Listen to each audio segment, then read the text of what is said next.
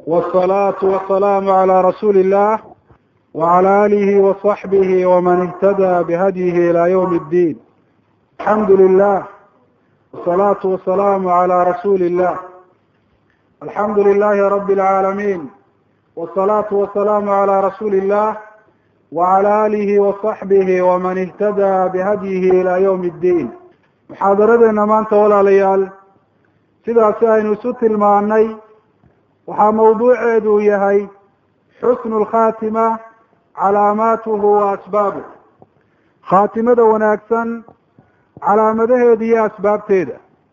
Waxaynu ka hadalnay muxaadaradeenii hore khaatimada xun calaamadaha lagu garto iyo asbaabta keensato dadka qaarkood inay khaatimadu ka xumaato. Ilaahaynu tabaaraka wa tacaala waxa uu inoo yeelay amaba se uu inoo tilmaamay calaamado cadcad oo loo daliishan karo calaa xusni alkhaatima. Qofka khaatimadu inay u hagaagtay. Taasi oo ilaahay tabaaraka wa tacaala fadligiisa iyo naxariistiisa uu inoogu tilmaamay si ay u noqoto mid inagu dhiirigelisa samaynta waxyaabaha khaatimada hagaajiya. Isla markaana aynu uga dadaallo inu isaga ilaalino waxyaabaha khaatimada dadka ka xumeeya qof kastoo calaamadaha wan wanaagsan laga arko waxaa taasi ay tahay amaara iyo calaama tusinaysa inuu yahay mid loogu bushaareeyey ilaahay tabaaraka wa tacaala fadligiisa iyo naxariistiisa.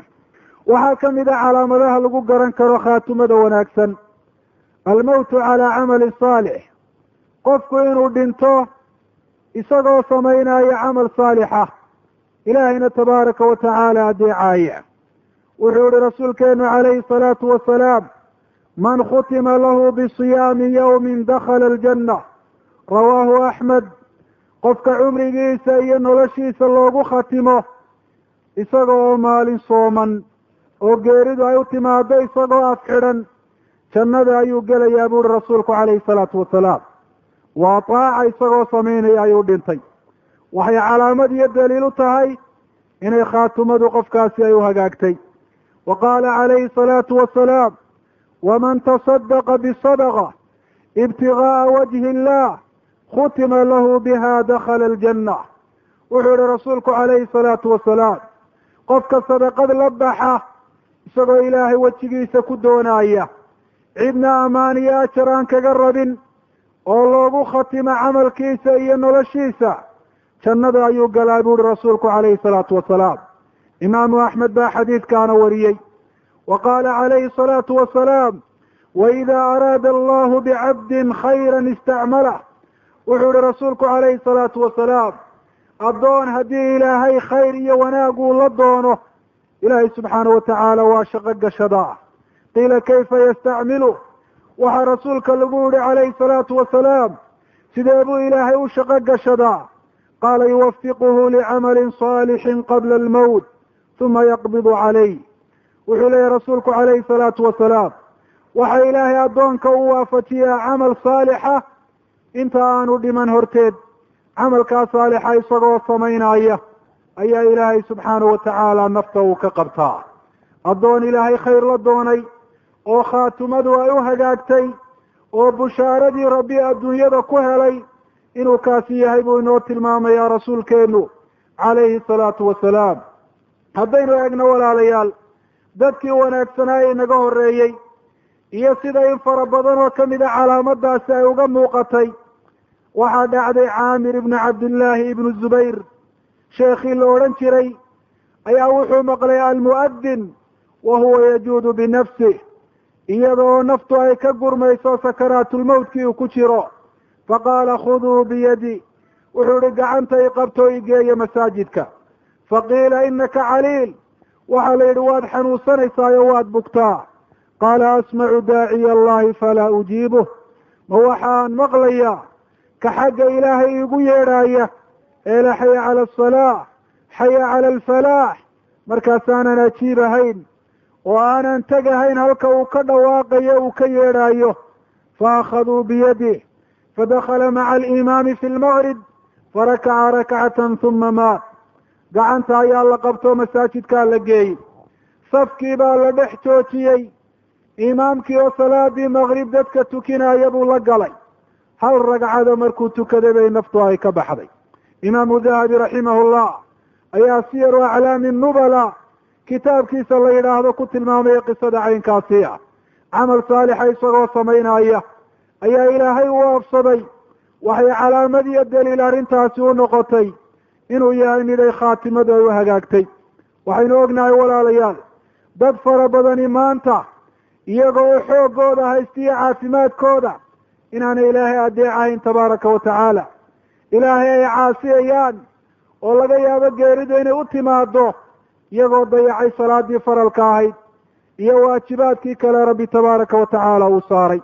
Wa hada yunus ibnu muxamed almu'adib waxa uu leeyahay maata xamaad ibnu salama fi salaati fi lmasjid imaamkii muxadiska ahaa la odhan jiray xamaad ibnu salama waxa uu dhintoo naftu ay ka baxday isagoo salaada ku jira oo weliba masaajidka ku tukanaya calaamad bay ay tusinaysa calaa xusni khaatimatihi wa hada abu bakr alcatawi waxa uu leeyahay junayd baan la joogay markii naftu ay ka baxaysay ee sakaraatulmowtka uu ku jiray fakhatama alqur'aana huma bada'a suurata albaqara fatalaa sabciina aayatan wamaat qur'aanka ayuu khatimo u dhameeyey buu leeyahay isagoo xanuunka caynkaasi uu hayo haddana wuxuu soo bilaabay suuratu lbaqara toddobaatan aayadood markuu ka akriyey ayaa naftu ay ka baxday yaa lahaa min bishaara isagoo kitaabkii ilaahay akrinaya hadalkii rabbina carabkiisa ku haya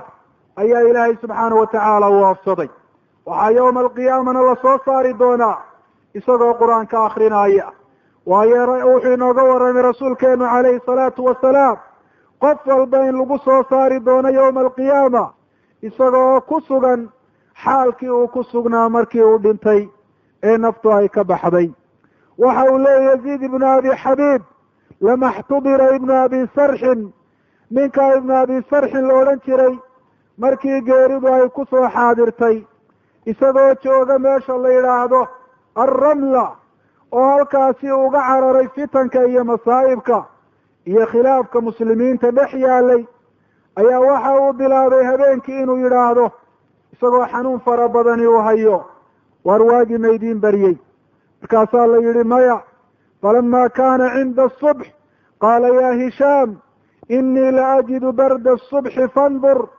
Markii waagu uu soo dhowaaday ayaa waxa uu ihi hishaamow qabowgii waaga ayaan dareemaya ee oradoo baxo eeg waagi inuu baryey dabeetana waxa uu yidhi isagoo ducaysanaya allahuma ajcal khaatimata camali subx.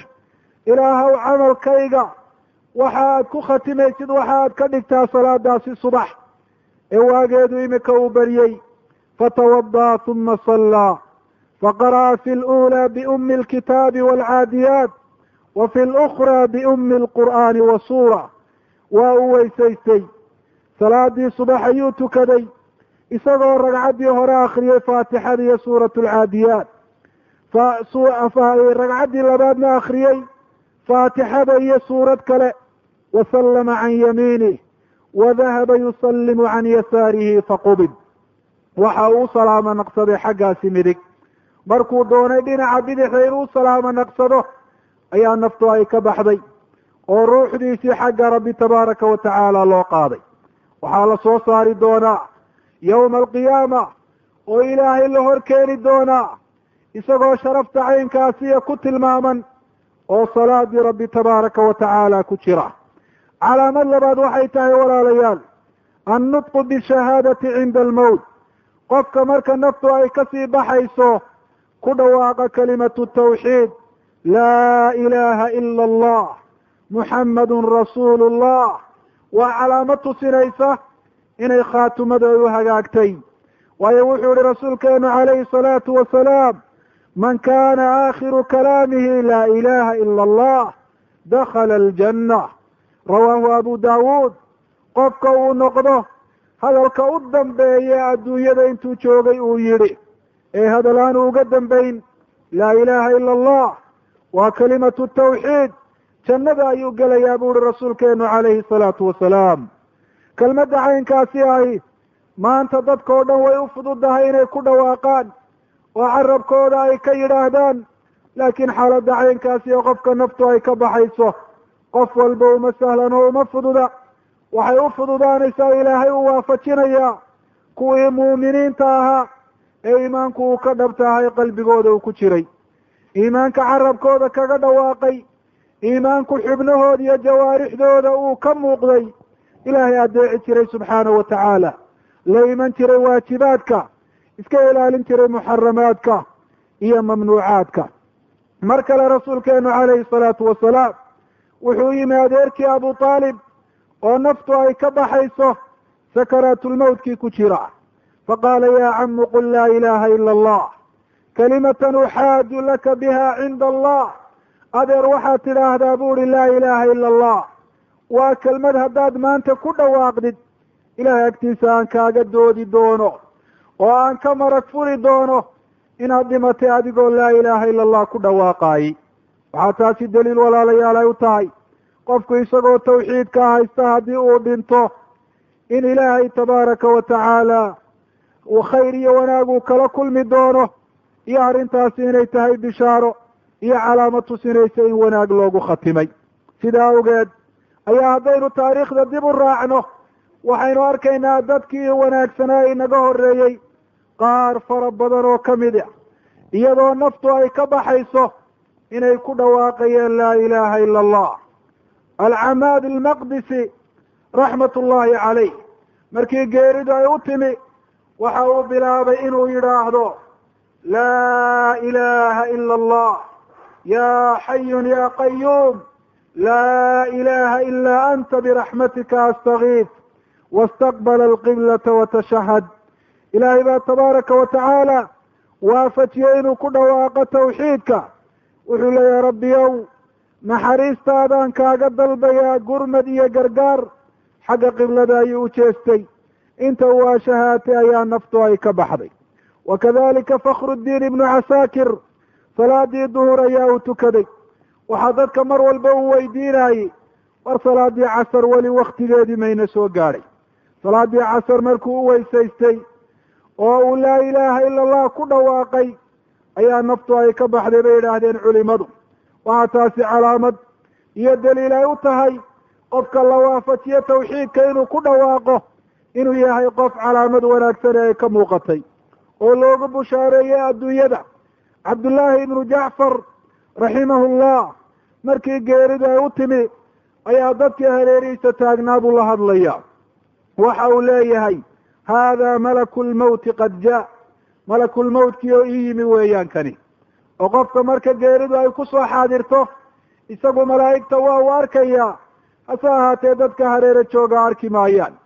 Intaa kadib waxa uu yidhi iqbid ruuxii kamaa taqbidu ruuxa rajulin yaqulu tisciina sana ashhadu an laa ilaha ila allah wa ashhadu ana muxamada cabduhu warasuuluh waxaad naftayda u qabataa sidaad u qabanaysid ruuxda iyo nafta min sagaashan sannadood lahaa ashhadu an laa ilaha ila allah wa ashhadu ana muxamadan rasuulu llah isagoo hadalka caynkaasi afka ku haya ayaa naftu ay ka baxday oo ilaahay tabaaraka wa tacaala u odsaday calaamad saddexaad waxay tahay walaalayaal almawtu birashxi ljabiin isagoo qofku ahaa qof hagaagsan oo toosan oo dadka ilaahay adeeco ka mid a haddii xaaladda geeridu ay u timaadee naftu ay ka baxayso dhidid fara badani uu ka shubmo taasi waa calaamad tusinaysa in wanaag loogu khatimay noloshiisii iyo cumrigiisii. Burayd ibnu lkhatiib ayaa waxa uu joogay meesha la idhaahdo khuraasaan. Waxa uu soo booqday nin ilaahay daraaddii ay u walaaloobeen.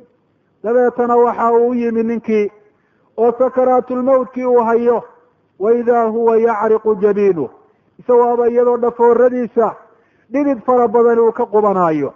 Faqaala allahu akbar samictu rasuula allahi yaquul mawtu lmu'mini bicarqi ljabiin rawaahu axmed waxasanahu alxaakimu wawaafaqahu dahabi wuxuu yihi ilaahay baa weyn allahu akbar waa hadal la yidhaahdo arrinaad ka yaabta iyo bushaaro weyn markaad aragto waxaan maqlay buu leeyahy rasuulka ilaahay calayhi salaatu wasalaam oo leh qofka muuminka ahi waxa uu dhintaa iyadoo dhidid fara badani uu ka da'ayo uu ka shubmaayo wahaakada kaana nabiyuna calayhi salaatu wasalaam sifada iyo tilmaanta caynkaasiyo isagoo leh ayaa rasuulkeenuna calayhi salaatu wasalaam uu dhintay.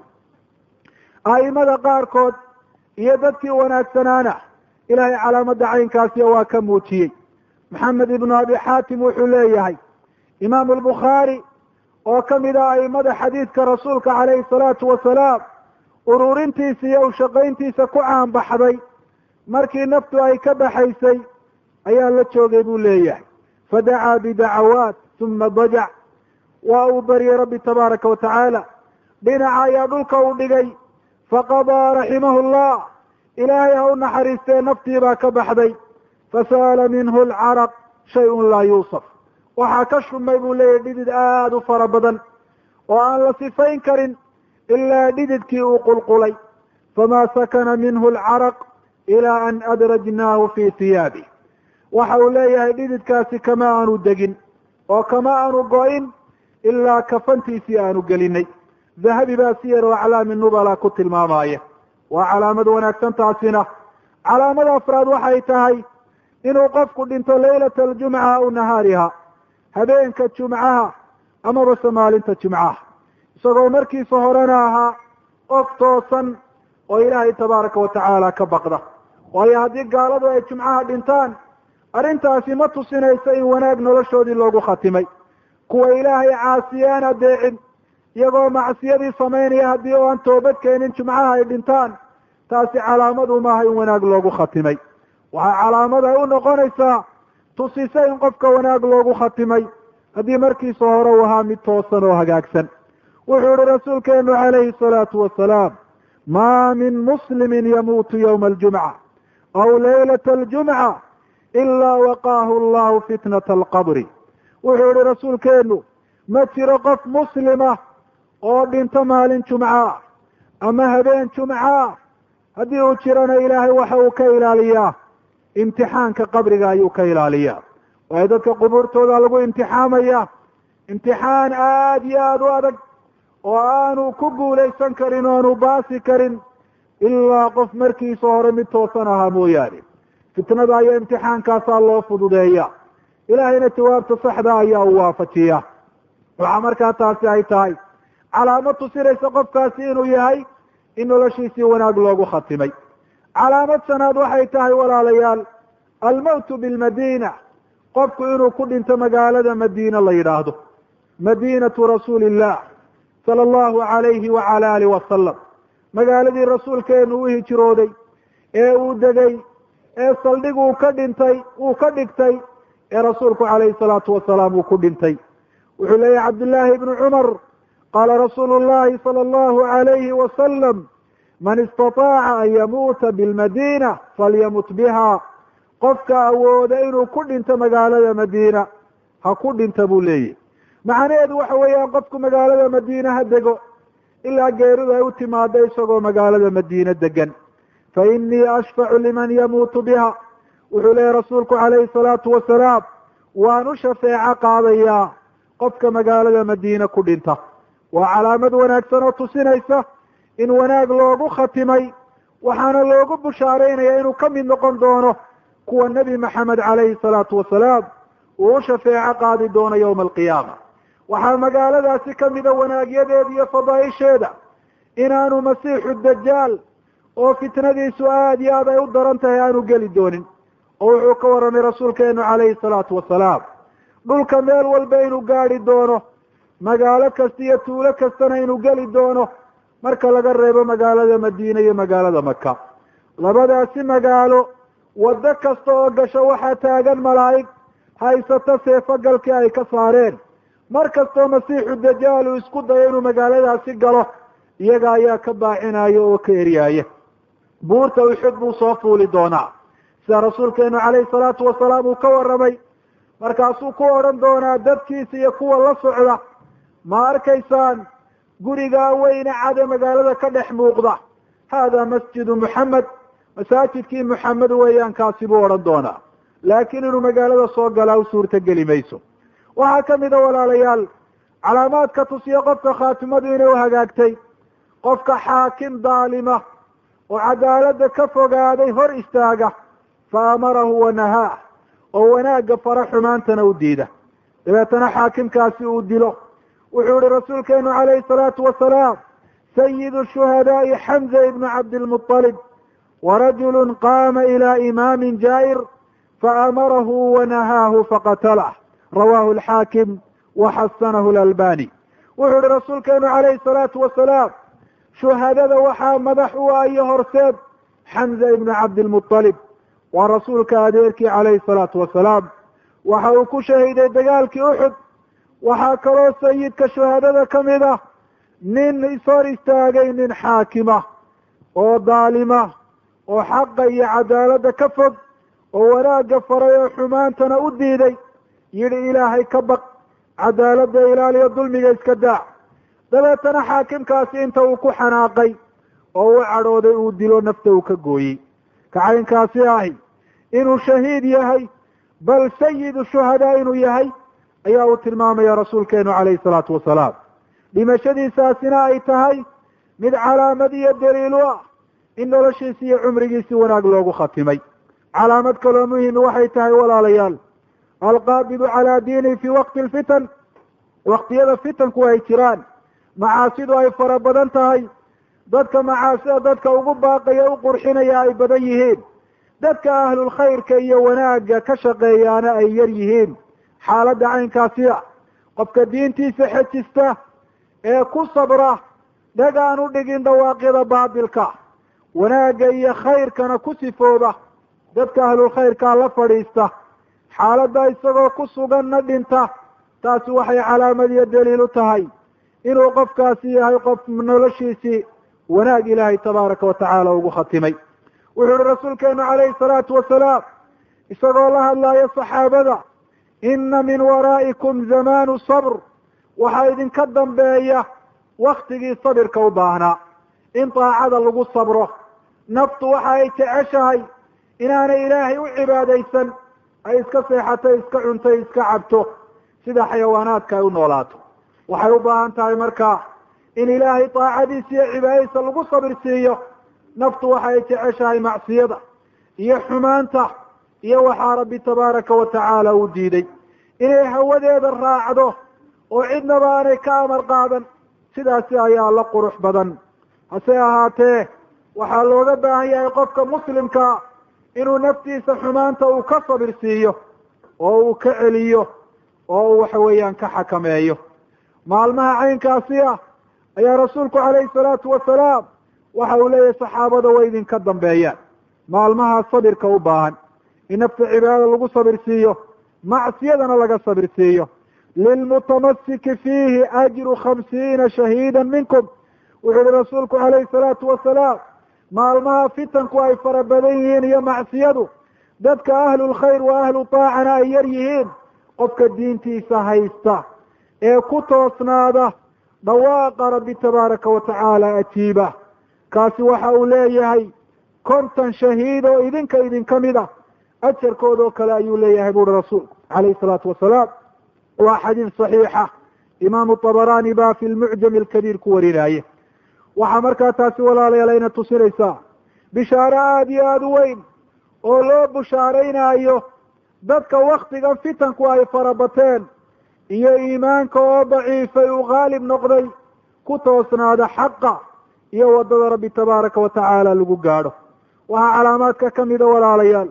Qofka daacuunku uu dilo isagoo muslima oo qof toosan ah. Sidaas oo kale qofka qarqoome biyaha ku qarqooba iyo qofka dhismuhu uu ku dumo iyo qofka gubta intaba wuxuu ka waramay rasuulku calayhi salaatu wasalaam inay shuhadaau dunyaa yihiin. Oo xaaladaasi ay ku dhinteen ay calaamad iyo daliil u tahay in cumrigoodii iyo noloshoodii wanaag loogu khatimay. Waxaa kaloo rasuulkeenu uu ka warramay. Calayhi salaatu wasalaam gabadha dhimata iyadoo markaasi umushay oo umusha ku dhimata fii nifaasiha inay tahay shahiida in arrintaasi calaamad iyo daliil ay u tahay in wanaag nolosheedii loogu khatimay. Qaala calayhi salaatu wasalaam waalmar'atu yaqtuluhaa waladuha jamcaa shahaada wuxuu lehay rasuulku calayhi salaatu wasalaam ilma gabadha ilmaheedu uu dilo yacni umusha sababteeda ku dhimata taasina waxa ay tahay mid shahaado la kulantay. Shahaadatu dunya waa markhaatiyo calaamo tusinaya in wanaag loogu khatimay. Bal rasuulkeenu calayhi salaatu wasalaam waxa uu tilmaamay annahu yajuruhaa waladuha bisararihi ila aljanna. In ilmaheedii uu jiidaayo oo xundhurtiisa uu ku jiidaayo halka uu wadaana inay tahay jannada rabbi tabaaraka wa tacaala. Iyaduna waa calaamad fiican oo tusinaysa gabadha muslimadda ee diinta rabbi tabaaraka wa tacaala ku toosan iyadoo xaaladda caynkaasiya iyo culayskaasi ku jirta haddii ay dhimato naftu ay ka baxdo inay taasi tahay mid wanaag nolosheedii loogu khatimay. Waxaa rasuulkeenu calayhi salaatu wasalaam kaloo uu sheegay dadka buuraha ka soo dhaca amaba se ay cunaan bahaluhu sibaaxa iyo dugaaggu ay cunaan. Ama badaha ku qarqooma inay yihiin shuhadaa cinda allahi tabaaraka wa tacaala. Calaamaadka caynkani waxay daliil u noqonayaan in wanaag loogu khatimay noloshiisii qofka markiisa hore ahlu tawxiid ilaahay mid mid keliyeeye ahaa ahaa saaxibu istiqaama mid toosan. Hase ahaatee qofku hadduu xaaladaan ku dhinto isagoo shirki iyo fisqi samaynaya ilaahayna tabaaraka watacaala daacadiisa ka fog arrimaha noocani waxba u tari maayaan calaamad iyo daliilna uma aha in noloshiisii wanaag lagu khatimay waxaa kaloo iyaduna calaamada qofka dadku ay ammaanaan marka uu dhinto dadka ammaanaya la sheegayaana waa dadka wanaagsan waxaa rasuulkeena calayhi salaatu wasalaam la soo mariyey janaaza dabeetana dadkiibaa ammaano wanaag ku sheegay waxaa rasuulku uhi calayhi salaatu wasalaam wajabat wajabat wajabat. Waxaa la soo mariyey mid labaad dadkii hareera joogay rasuulka ayaa waxay tilmaameen inuu qofkaasi ahaa qof xun oo ilaahay tabaaraka wa tacaala ka fog. Faqaala nabiyu calayhi salaatu wasalaam wajabat wajabat wajabat. Waxaa saxaabadu rasuulka calayhi salaatu wasalaam ay ku yidhaahdeen rasuulka ilaahayow wajabat macnaheedu muxuu yahay maxaad uga jeedaa? Wuxuu yihi rasuulku calayhi salaatu wasalaam janaasadii hore wanaag baad ku sifayseen oo qof wanaagsan inuu ahaa baad sheegteen. Fawajabat laha aljanna. Jannadii baa u waajibtay. Liannakum shuhadaau llahi fii ardi. Waayo waxa aad tihiin markhaatiyaasha ilaahay tabaaraka wa tacaala dhulka uu dhigtay ee dhulka rabbi tabaaraka wa tacaala uu ku abuuray. Janaasadii labaadna waxaad tilmaanteen qofkaasi inuu ahaa qof xun oo ilaahay subxaanahu wa tacaala ka fog. Fawajabat laha annaar naar ayaa u waajibtay buu uhi rasuulku calayhi salaatu wasalaam. Waayo waxaad tihiin markhaatiyaashii ilaahay ee dhulka joogay qofka markaa dadka wanaagsan ee ahlulkhayri wa ahlu taaca ahi wanaag ay uga marakacaan ee wanaag ay ku ammaanaan cibaado iyo dhaqan iyo akhlaaq wanaagsan iyo toosnaan waa calaamad tusinaysa in noloshiisii wanaag lagu khatimay. Qofka dadka wanaagsan ee ahlulkhayrka ahi ay sheegaan inuu ahaa qof ilaahay ka fog oo fisqi iyo macsiyo mooyaane wax kale aan ka shaqayn jirin waa calaamad iyo daliil tusinaysa in noloshiisii xumaan loogu khatimay. Waxaa kaloo jira walaalayaal calaamaad tusiya qofka in wanaag loogu khatimay kuwaasi oo dadka ka muuqda marka naftu ay ka baxdo kadib jidhkooda inay ka muuqdaan baa laga yaabaa. Amaba se qubuurtooda ay ka muuqdaan. Markuu dhintay imaamu albukhaari raximahullah sida ay tilmaameen a'immadu raxmatullaahi calayhim. Markay taariikhdiisa ka warramayaan markii qabrigiisii la dhigay waxaa qabrigiisii ka soo baxay. Raa'ixa aada iyo aada u udgoon oo raa'ixatulmiski oo kale ah oo aada looga yaabay. Ilaa dadkii qabrigiisa laga celinayey oo laga hortaagnaa. Waxaa kaloo dhacday nin caabid ahaa ee la odhan jiray alrayaashi oo masaajidka waxa weeyaan lagu yaqaanay inuu ku xidhna oo uu ku cibaadaysto ayaa waxaa dilay dad dhaalimiin aha gardaroolayaal masaajidka ayaa weliba ay ku dileen. Meeshii ay ku dileen ayaa meydkiisii sanad dhamaystiran uu yaali waxa uu tilmaamayaa imaamu dahabi raximahullah in ninkaasi aanu meydkiisii isbedelin. Sidiisii isagoo ah oo aan meel yarina aanay qurmin meelina aanay go-in sanad kadib loogu yimi isagoo halkii yaalla. Waa calaamad tusinaysa calaa xusni alkhaatima in qofkaasi wanaag loogu khatimay. Calaamaadku walaalayaal waa ay fara badan yihiin. Ta muhimkiisa waxa ay tahay maxa ay tahay asbaabta keensan karta?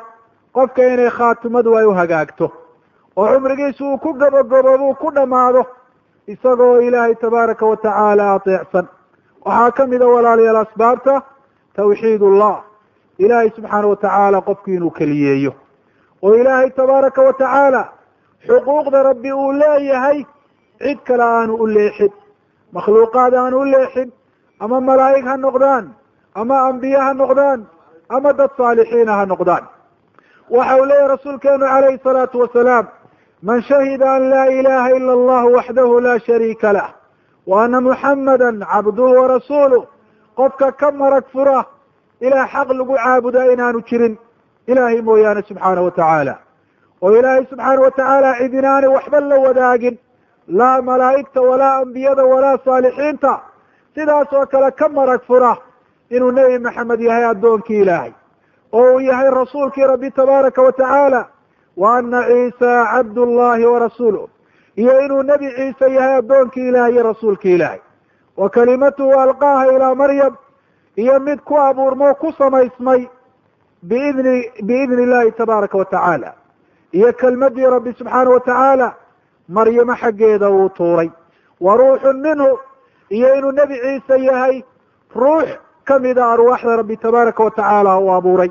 Waljannata xaqun wannaara xaqun adkhalahu llahu ljanata cala ma kana min alcamal. Qiro inay naartu xaq tahay ka baqdo iska ilaaliya. Qiro inay jannadu jirto oo u shaqaysto o u dadaala. Ilaahay tabaaraka wa tacaala jannaduu geliyaa bu uhi rasuulku calayhi salaatu wasalaam calaa ma kana min alcamal. Camalkaasi uu ku dul sugan yahay isagoo ku dul sugan baa jannada la geliya yacni walow qofkaasi haba noqdo miduu iimaankiisu aanu heer sare ahayn camalkiisa iyo cibaadadiisuna aanay aada u fara badnayn laakiin mar hadduu tawxiidka sidaasi u ilaaliyey kelinimada rabbina tabaaraka wa tacaala uu u qiray rabbi xuquuqda ilaahayna aanu cid kale la wadaajin. Ilaahay tabaaraka wa tacaala jannada ayuu gelinaya qofka muslimka waxaa looga baahan yahay walaalayaal. Inuu tawxiidka ilaaliyo keliyeynta rabbi tabaaraka wa tacaala. Midhaha tawxiidka wuxuu heli doonaa markay naftu ay ka baxayso. Oo waxaa noloshiisa loogu khatimi wanaag. Midhaha tawxiidka wuxuu heli doonaa marka qabrigu uu galo. Oo waxa uu noqon doonaa mid ku guulaysta imtixaanka iyo su'aalaha malaa'igtu qabriga ay ku weydiinayaan. Midhaha tawxiidka wuxuu heli doonaa fi laakhira marka ilaahay tabaaraka wa tacaala la hor keeno sabab kale waxay tahay attaqwa inuu addoonku noqdo mid ilaahay subxaana wa tacaala ka baqda. Taqwadana macnaheedu wuxuu yahay addoonku inuu iska xigsiiyo ilaahay cadhadiisa iyo ciqaabkiisa inuu iska xigsiiyo ilaahay daacadiisa tabaaraka wa tacaala iyo inuu ka dheeraado macaasida. Waxaa ilaahay tabaaraka wa tacaala cadhadiisa iyo ciqaabkiisa kaa badbaadin kara oo teedkaaga noqon kara oo aada iska xigsiin kartaa inaad ilaahay adeecdid subxaana wa tacaala iyo inaad ka dheeraatid macaasida taqwadu waa an yutaaca allah falaa yucsa. Sida cabdullaahi ibnu mascuud uu leeyahay waa in ilaahay la adeeco oo aan la caasiyin wa an yudkara falaa yunsa waa in ilaahay tabaaraka wa tacaala mar walba la xusuusnaado. Marnaba rabbi tabaaraka wa tacaala aan la ilaabin. Wa an yushkara falaa yukfar. Waa in ilaahay loo mahadnaqo oo rabbi tabaaraka wa tacaala nicamka addoonka uu siiyey addoonku aanu qarin oo aanu dafirin. Taqwadii alla ka cabsiga caynkaasiya. Haddii addoonku uu la yimaado waa sahayda u wanaagsan ee ilaahay subxaana wa tacaala lala hortago. Waana asbaabta ugu waaweyn ee keensan karta addoonka inay khaatumada u hagaagto. Waayo taqwadu waxay sabab u tahay addoonka in dembiyadiisa la dhaafo sida rabbigeen tabaaraka wa tacaala uu yidhi in tattaquu llaha yajcal lakum furqaana wayukafir cankum sayi'aatikum wayakfir lakum wallahu du lfadli alcadiim haddaad ilaahay ka baqataan oo aada waajibaadka ka soo baxdaan xaaraanta iyo waxaa mamnuucaana aad ka dheeraataan ilaahay wuxuu idin yeeli basiira waxaad ku kala garataan xaqa iyo baadilka. Ilaahay dembigiina ayuu dhaafi doonaa. Ilaahayna fadligiisu waa mid uu wen yahay alla ka cabsigu wuxuu u yahay in addoonka camalkiisa la aqbalo. Inamaa yataqabalu allahu min almuttaqiin. Ilaahay waxa uu ka aqbalaa acmaasha saalixa. Kuwa muttaqiinta ah taqwadii alla kacabsiga u weynina waa tawxiidka. Waxaa taqwadu sababa u tahay walaalayaal inuu addoonku cidhiidhi kastoo uu galo iyo dhib kasta oo la soo gudboonaada inuu ilaahay tabaaraka watacaala uu ka fududeeyo. Meel uu uga baxana inuu rabbi subxaanahu watacaala u yeelo. Ilahay wuxuu leey waman yattaqi allah yajcal lahu makhraja. Qofka ilaahay ka baqda subxaana watacaala ilaahay cidhiidhi kasta meel uu uga baxo ayaa rabbi tabaaraka watacaala u yeeli doonaa. Arrin kastana rabbi tabaaraka watacaala wuu fududayn doonaa. Waxaynu ognahay walaalayaal addoonku markuu sakaraatulmawtka ku jiro waa shaki la'aan inuu cidhiidhi iyo arrin adag uu ku dhex jiro waxaa markaa taqwadu ay noqonaysaa xaaladda caynkaasiya inuu badbaado oo uu ka badbaado min almahaalik waxyaabaha lagu halaagsamo oo ay ka mid tahay su'ul khaatima. Waxaa taqwadu ay sabab u noqonaysaa inuu ilaahay tabaaraka watacaala waafajiyo inuu tawxiidka iyo shahaadateynka uu ku dhawaaqo. Waxaa taqwadu sababay u tahay in jannada addoonku uu galo.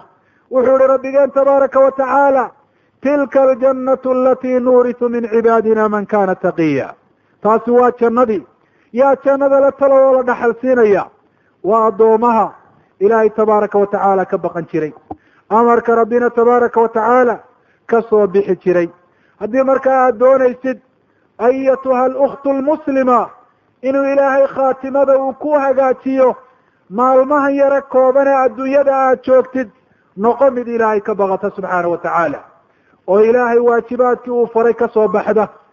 Noqo mid iska ilaalisa waxaa rabbi tabaaraka watacaala uu diiday. Waxaa kamida saas oo kale walaalayaal. Waxyaabaha sababu noqon kara inay khaatimadu ay noo hagaagto alistiqaama. Adduunyada intaynu joogno inaynu toosnaano. Ilaahay tabaaraka watacaala diin buu inoo soo dejiyey. Wuxuu inoo kala sheegay wixii wanaagsanaa iyo wixii xumaa. Wuxuu rabbi inoo sheegu inoo caddeeyey waddadii jannada iyo raalli ahaanshaha rabbi aynu mari lahayd. Waxaa rabbi uu inoo caddeeyey oo daaha uu inooga qaaday. Waddada aynu ku gaadhi karna ilaahay cadhadiisa. Ee sababi karta inuu ilaahay tabaaraka watacaala uu ina ciqaabo. Waxaa markaa inala gudbooni waxay tahay. Waddada toosan inaynu marro. Ee ilaahay tabaaraka watacaala uu inagaga raalli noqonayo. Ilaahayna naciimkiisa iyo jannadiisa aynu ku helayno. Istiqaamada markaa macnaheedu wuxuu noqonayaa inaynu ku toosnaano cala alamri waannahyi ilaahay amarkiisa. Oo wuxuu ina amray oo dhan aynu la nimaadno wuxuu inoo diiday oo dhanna rabbi tabaaraka watacaala aynu ka dheeraano inagoo mar walba ogsoon waxa ilaahay ina amray inay danteenu ku jirto adduun iyo aakhiraba. Waxaa rabbi tabaaraka watacaala uu inoo diidayna inaanu wanaag inoo lahayn adduun iyo aakhiraba. Waa inaynu iska ilaalino rawgaan thacaalib siduu leeyahay cumar ibn khadaab alistiqaama an tastaqiima cala alamri waannahyi walaa taruuga rawgaan athacaalib istiqaamadu waxay tahay inaad ku toosnaatid la imaanshaha waajibaadka iyo ka dheeraadka ka dheeraanshaha wixii rabbi tabaaraka watacaala uu kuu diiday oo aanad u leexleexan sida dacwadu ay u leexleexato dad fara badan maalinna ilaahay way adeecayaan maalinna ilaahay tabaaraka watacaala way caasiyayaan maalinna way toobad keenayaan maalinna xumaantii bay dib ugu noqonayaan istiqaamadii iyo toosnaantii ayaa ka maqan. Qofku haddii uu noqdo mid toosan waxaa rabbi tabaaraka watacaala uu soo diraya marka naftu ay ka baxayso malaa'ig u bushaaraysa. Sida muxaadaraadka hore aynu ku tilmaanay. Taasina waxay calaamad iyo daliil u tahay in dadkaasi khaatimadoodii ay hagaagtay. Karaamada iyo sharafta u weyni waxay tahay luzuumu listiqaama sharafta u weyne addoonku adduunyada uu ku helaa waa inuu ilaahay sharcigiisa ku toosnaado dadkii hore inaga wanaagsanaa ee inaga horeeyey waxay ahaayeen kuwa ku sifaysan toosnaan iyo istiqaama. Wuxuu leeyahy abu isxaaq isabiici abu sufyaan ibnu alxaaris ibnu cabdilmuطalib markii ay naftu ka baxaysay ayaa isagoo dadkii la hadlaayo wuxuu yidhi laa tabkuu calaya fa inii lama tanadaf bikhati'atin mundu aslamtu.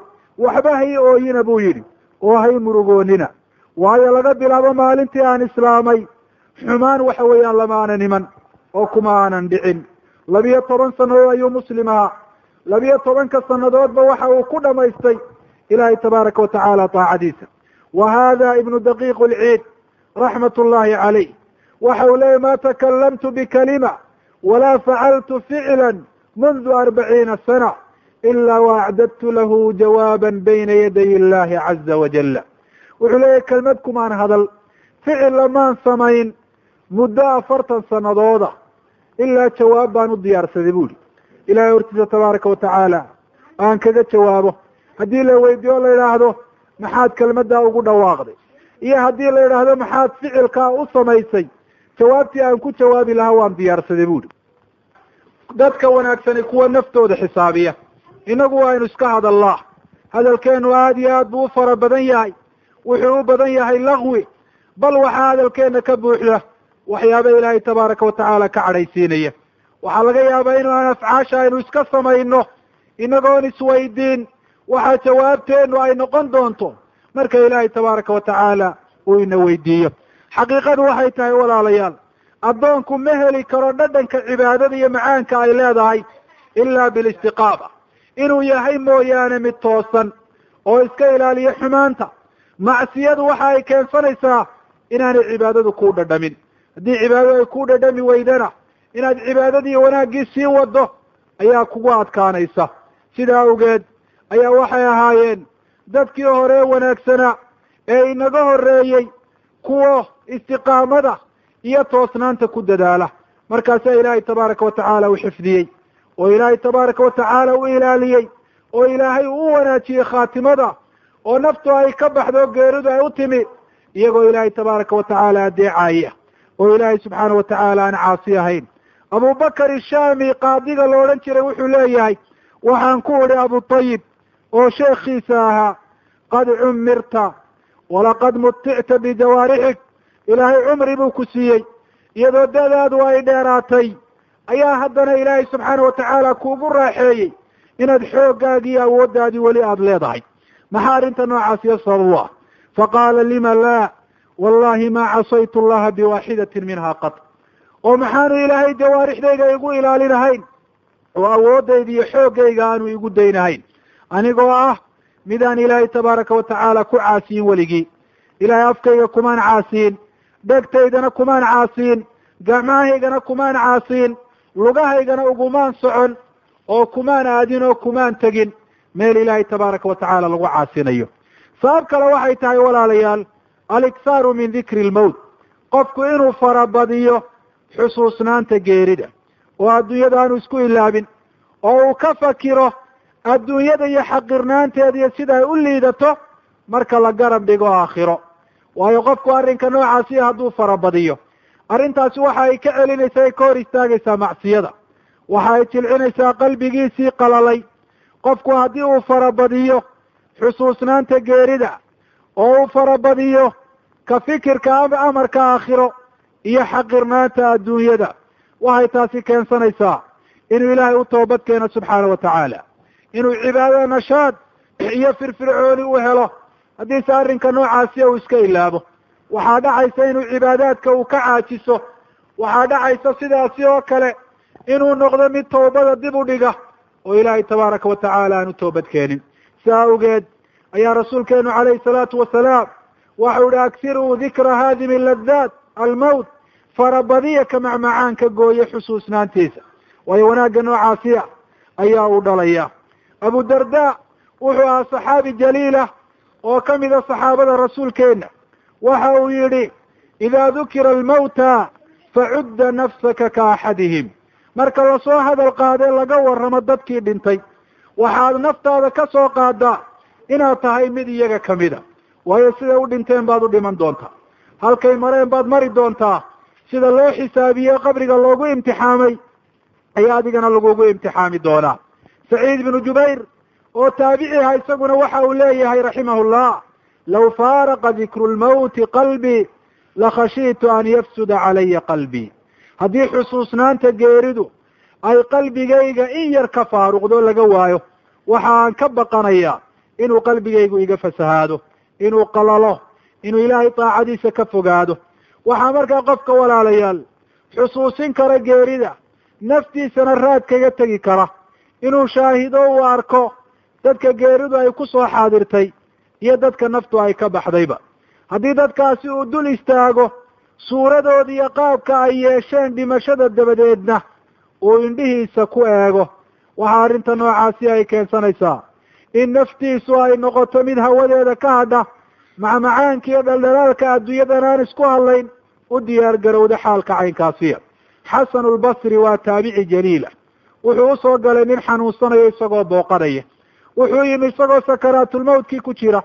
Fa nadara ilaa karbihi wa shiddati maa nazala bih wuxuu egay ninkaa dhibaatada haysata iyo arrinkan ku habsaday adayga uu leeyahay farajaca ilaa ahlihi bigayri lowni markii uu reerkiisii ku noqday waxa uu noqday iyadoo midabkiisu isbedelay. Faqaaluu aطacaama yarxamuka allah. Waxay yidhahdeen raashinkii baa lagu dhigaya. Kaale oo raashinka cun ilaahay ha ku naxariistee faqaala ya ahlaa calaykum biطacaamikum wa sharaabikum. Isagoo reerkiisii la hadlayo waxa uu leeyahay iska cuna raashinkiina sharaabkiinana iska caba. Fawallahi laqad ra'aytu masracan laa azaalu acmalu lahu xataa alqaa. Wallahi waxaan arkay buu yidhi arrin aanan ka suulahayn inaan u shaqaysto ilaa maalintaan la kulmaayo. Waxaad aragtaa imaamka jaliilka ahaa sida qofkaa sakaraatulmawtka ku jiray eegmada uu eeg u arkay ee u raadaysay. Ee arrinka noocaasi uu sababay inuu noqdo mid u fikira geerida iyo u diyaar garowgeeda iyo u shaqaysigeeda. Waxa ay xaqiiqadu tahay walaalayaal. Adduunyadan aynu joognaa waa kharaab. Waa mid kharaabi doonta oo baabi'i doonta. Waxa ay tahay meesha camiritaan u baahani waa xabaalaha iyo aakhiro. Awsaaci raximahullah ayaa wuxuu leeyahy waxaan imi bayruut dabeetana waxaan la kulmay gabadh. Gabadhaasi xabaalaha agtooda ayaa ay joogtay. Faqultu laha ya sawdaa ayna alcimaara waxaan ku idhi gabadhay meeday meeshii dadku ay deganaayeen camirnayd. Qaalat anta fi lcimaara waxay tidhi halkii camirnayd waa adigan jooga. Waa xabaalaha. Dadku halkii ay camirteen waa xabaalahan aad joogtid. Qof waliba wixii uu ku camirtay ayaanu ka helayaa. Wain kunta turiidu alkharaab fa bayna yadayk haddaad doonayso meeshii kharaabka ahayd laga tegaye baaba-aysana. Weli waa ay kaa horaysaa. Sida awgeed ayaa rasuulkeenu calayhi salaatu wasalaam waxa uu ina amru inagula teliyey maalmaha aynu nool nahay inaynu sahay qaadanno. Oo aynu u sahay qaadanno maalmaha waxa weeyaan geerida ka dambeeya. Waxaa la yaab leh dad la amray inay sahay qaataan oo loo dhawaaqay oo loo sheegay inay safri doonaan oo adduunyadan ay ka tegi doonaan.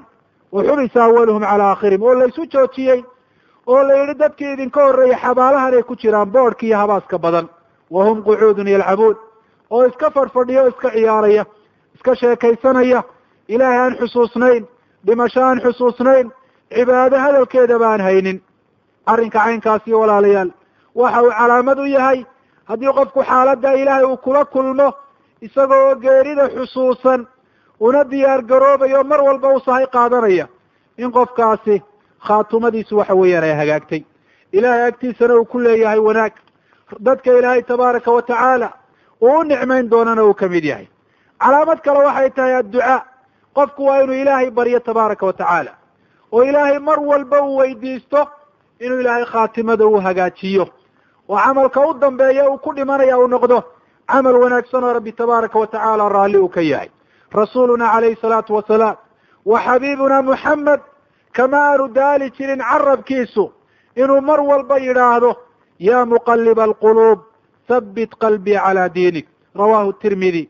Ilaaha quluubta rogrogow waxaad qalbigayga ku sugtaa diintaada. Anigoo diinta haysto oo ku toosan ilaahay o geerida ii keen waayaan macnaheedu. Arrinka caynkaasi ah waxaa rasuulku calayhi salaatu wasalaam inuu nagu barayaa ahamiyadda ay leedahay xaaladda qofku uu dhimanayo isagoo waxa weeyaan ku sugan. Ilaahayna inuu mar walba weydiisto inuu rabbi tabaaraka wa tacaala u hagaajiyo khaatimada ilahay khaatimada ha inoo hagaajiyo. Rabbigeen tabaaraka wa tacaala waxa uu ina baray inaynu mar walba ku ducaysano inaanay quluubteenu leexan hanuun dabadi. Rabbana laa tuzig quluubana bacda id hadaytana wahab lana min ladunka raxma inaka anta alwahaab ilaahay u quluubtayada ha leexinin intii aadna hanuunisay dabadeed. Ilaahu naxariistaada wax naga siiyo nooga hibee waxaad tahay allaha wanaagga dadka u hibeeye ilaahay tabaaraka wa tacaala waa inaynu xaggiisa quluubta u jeedino gacmahana aynu kor ugu taagno inagoo eeganayno waktiyada ilaahay ducada waajiibo inagoo rabbi weydiisanayna subxaana wa tacaala inuu inagu arsaaqo xusna alkhaatima khaatimo wanaagsan iyo inuu ilaahay inagu maamuuso inaynu nebi maxamed calayhi salaatu wasalaam la saaxiibno oo jannada aynu kula kulanno. Waxaa sabab kale tahay walaalayaal alsidqu waalikhlaas qofka muslimnimadu inay ka dhab noqoto oo iimaanku uu ka dhab yahay oo aanu qofku ahayn qof dadka un isu qurxiyo istusiya qalbigiisana xumaan ku qarsanaya dadka xumaanta kala dhuunta ilaahayna tabaaraka wa tacaala aan kala xishoon sidaas oo kale dadka markuu hor joogo cibaadaysta dadka markuu ka tagana cibaadaadkii iyo wanaaggii dayaca. Haddii qofku uu noqdo qof iimaankiisa ka dhab sheega islaamnimadiisa ka dhab sheega waxa arrinta noocaasi ay sabab u noqonaysaa inay khaatimadu hagaagto. Hal tusaaleynu arrinka noocaasiya u soo qaadanayna oo dhacay waktigii rasuulkeena calayhi salaatu wasalaam. Wuxuu leeyahay saxaabiga lalaha shadaad ibnu lhaad ana rajula min alacraab jaa ila anabiyi calayhi salaatu wasalaam faamana bihi waatabaca nin reer miya u yimi rasuulka oo rumeeye oo raacay. Uma qaala uhaajiru macak waxa uu ku yihi rasuulka calayhi salaatu wasalaam waan kula hijroonayaa oo mar haddaad ilaahay daraaddii u qaxdo dhulkaagii aada uga tagtay aniguna sidaas ayaan samaynaya. Fa awsaa bihi nabiyu bacda asxaabi. Waxaa rasuulku calayhi salaatu wasalaam saxaabadiisa qaar ka mida uu dardaarmay oo uu sheegay inay ninkaasi ay ilaaliyaan oo ay ka warhayaan. Markii uu dhacay dagaal iyo ghazwa oo ninkaasina uu ka qayb qaatay ayaa waxaa rasuulku calayhi salaatu wasalaam uu helay khaniima xoolo gaaladii laga qabsaday rasuulku wuxuu u qaybiyey saxaabadiisii ninkaasi oo markaa gaadiidkii saxaabadu ay wateen ilaalinaya oo ka maqnaa ayaa qeybtiisii saxaabadu ay u geeyeen. Markaasuu yihi ma haada? Waa maxay waxani qaaluu qismatun qasamahu laka nabiyu calayhi salaatu wasalaam. Waa qeybtii aada khaniimada ka heshay oo rasuulkii ilaahay baa kuu soo diray. Fa akhadahu fa ja'a bihi ila nabiyi calayhi salaatu wasalaam. Wuu soo qaado rasuulka ayuu u keenay. Fa qaala ma haada wuxu uhi rasuulka ilaahi waxani waa maxay? Qaala qasamtuhu lak. Rasuulku wuxu uhi waa intii aada qeyb u heshay. Qaala ma calaa hada itabactuk walakin itabactuka calى an urmaa haahuna wa ashaara ilaa xalqihi bisahmin faadkhula aljanna. Kuumaan soo raacin bu uhi rasuulka ilah inaan xooliye adduunye aan shaqaysto. Waxaan kuu soo raacay in halkaa dhuunta leeb laygaga dhufto oo dabeetana aan ilaahay daraaddi u dhinto oo jannada aan galo faqaala nabiyu calayhi salaatu wasalaam in tasduq illaha yasduqka haddii ilaahay aada u run sheegto arrintaasi ay kaa dhab tahay ilaahay tabaaraka watacaala arrinkaasi aada doontay wuu ku dhabayn doonaa wuxuu leeyahay saxaabigu falabisuu qaliilan uma nahaduu fii qitaali alcaduw in yar baa la sii joogay markiiba waxaa loo kacay dagaalkii fa utiya bihi nabiyu calayhi salaatu wasalaam yuxmal qad asaabahu sahmu xaytu ashaar waxaa rasuulka loo keenay calayhi salaatu wasalaam ninkii oo la sido oo leebkii uu kaga dhacay halkii uu tilmaamayey faqaala nabiyu calayhi salaatu wasalaam ahuwa huwa. Rasuulku wuxu yihi isagoo saxaabadii la hadlaaya ma isaga laftiisiiba? Qaaluu nacam. Wuxuu ihi rasuulka ilaah waa isagii. Qaala sadaqa allah fasadaqahu allah. Ilaahay buu u run sheegay. Ilaahayna subxaana wa tacaala wixii uu doonayey buu u dhabeeyey darajaduu doonaya rabbi tabaaraka wa tacaala waa gaadhsiiyey. Rasuulku calayhi salaatu wasalaam ninkaa isagoo maamuusaya oo sharfaaya waxa uu ku shar waxa uu ku kafnay rasuulku koorhkiisii rasuulku markuu ku tukanayey hadalladii iyo ducadii laga maqlayo waxaa ka mid ahaa allahuma hada cabduk kharaja muhaajira faqutila shahiida ana shahiidun calaa dalik ilaahu kani waa addoonkaagii gurigiisii buu ka soo baxay isagoo daraadda u hijrooday. Waa la dilay isagoo shahiido adiga daraadda u dhintay. Aniguna arrinka noocaasiyo markhaati baan ka ah. Imaamu nasaa-i iyo xaakim baa xadiidka warinaya. Sanadkiisuna waa saxiix. Wuxuu daliilu yahay qofka ka dhab sheegay iimaankiisa iyo islaamnimadiisa. Oo daahirkiisa iyo baatinkiisu ay iswaafaqaan.